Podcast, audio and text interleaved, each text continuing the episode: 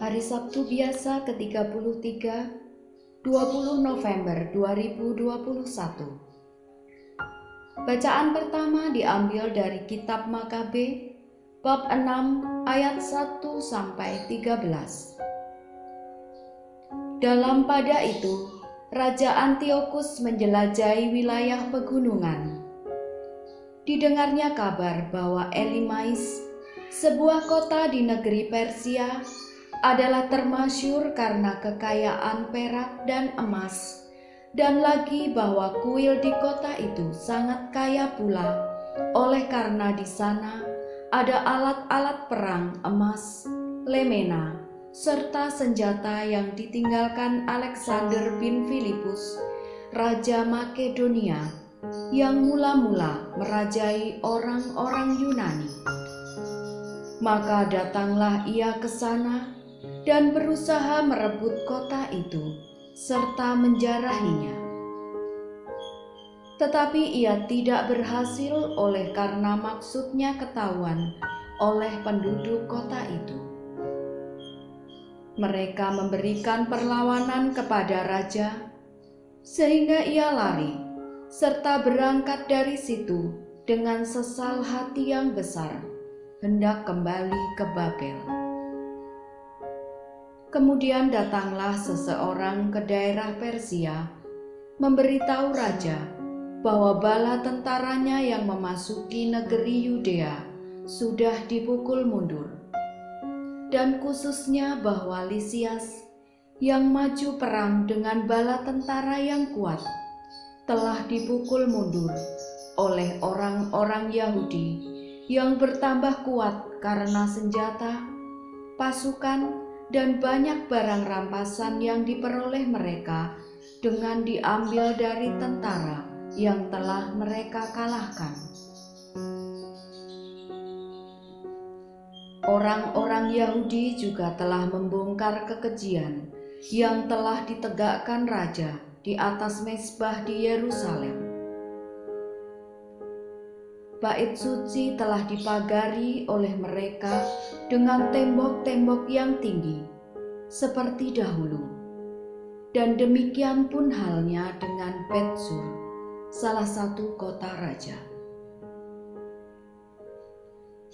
Mendengar berita itu, maka tercenganglah raja dan sangat tergeraklah hatinya ia merebahkan diri di ranjang dan jatuh sakit karena sakit hati. Sebab semuanya tidak terjadi sebagaimana diinginkannya. Berhari-hari raja terbaring di ranjangnya, sedang terus-menerus dihinggapi kemurungan besar.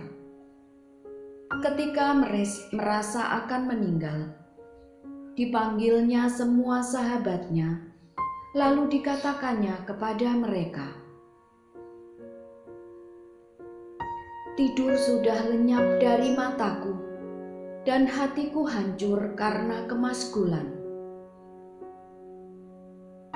Maka dalam hati aku berkata, "Kepada keimpitan dan kemalangan manakah aku sampai sekarang ini?" Aku ini yang murah hati dan tercinta dalam kekuasaanku. Tetapi teringatlah aku sekarang kepada segala kejahatan yang telah kuperbuat kepada Yerusalem dengan mengambil perkakas perak dan emas yang ada di kota itu, dan dengan menyuruh bahwa penduduk Yehuda harus ditumpas dengan sewenang-wenang aku sudah menjadi insaf bahwa oleh karena semuanya itulah maka aku didatangi malapetaka ini. Sungguh, aku jatuh binasa dengan sangat sedih hati di negeri yang asing. Demikianlah sabda Tuhan. Syukur kepada Allah.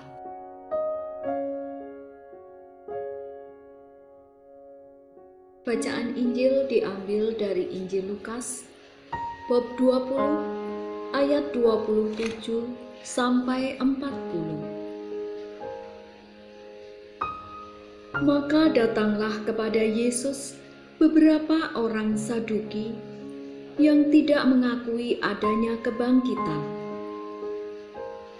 Mereka bertanya kepadanya, "Guru, Musa menuliskan perintah ini untuk kita.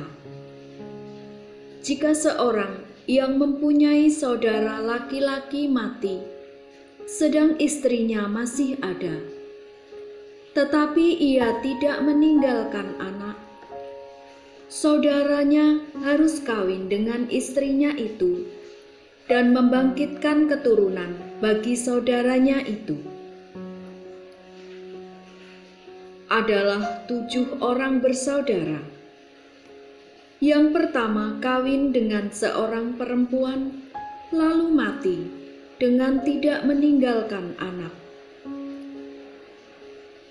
Lalu perempuan itu dikawini oleh yang kedua dan oleh yang ketiga, dan demikianlah berturut-turut oleh ketujuh saudara itu. Mereka semuanya mati dengan tidak meninggalkan anak. Akhirnya, perempuan itu pun mati. Bagaimana sekarang dengan perempuan itu? Siapakah di antara orang-orang itu yang menjadi suaminya pada hari kebangkitan? Sebab ketujuhnya telah beristrikan dia. Jawab Yesus kepada mereka, "Orang-orang dunia ini kawin dan dikawinkan."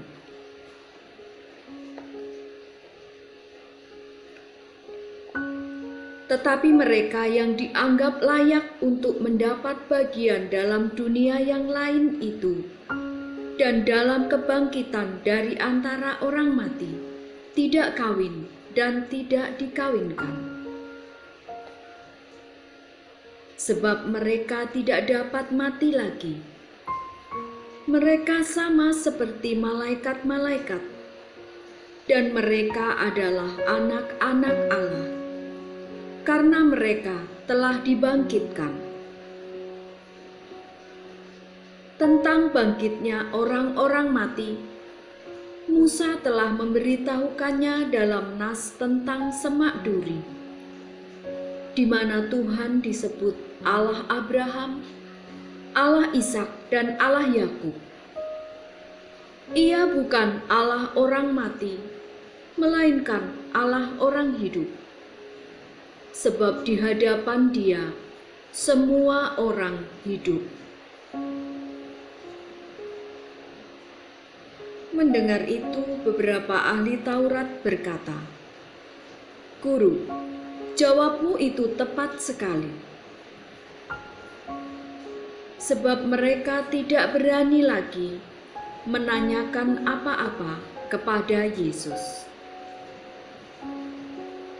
Demikianlah sabda Tuhan.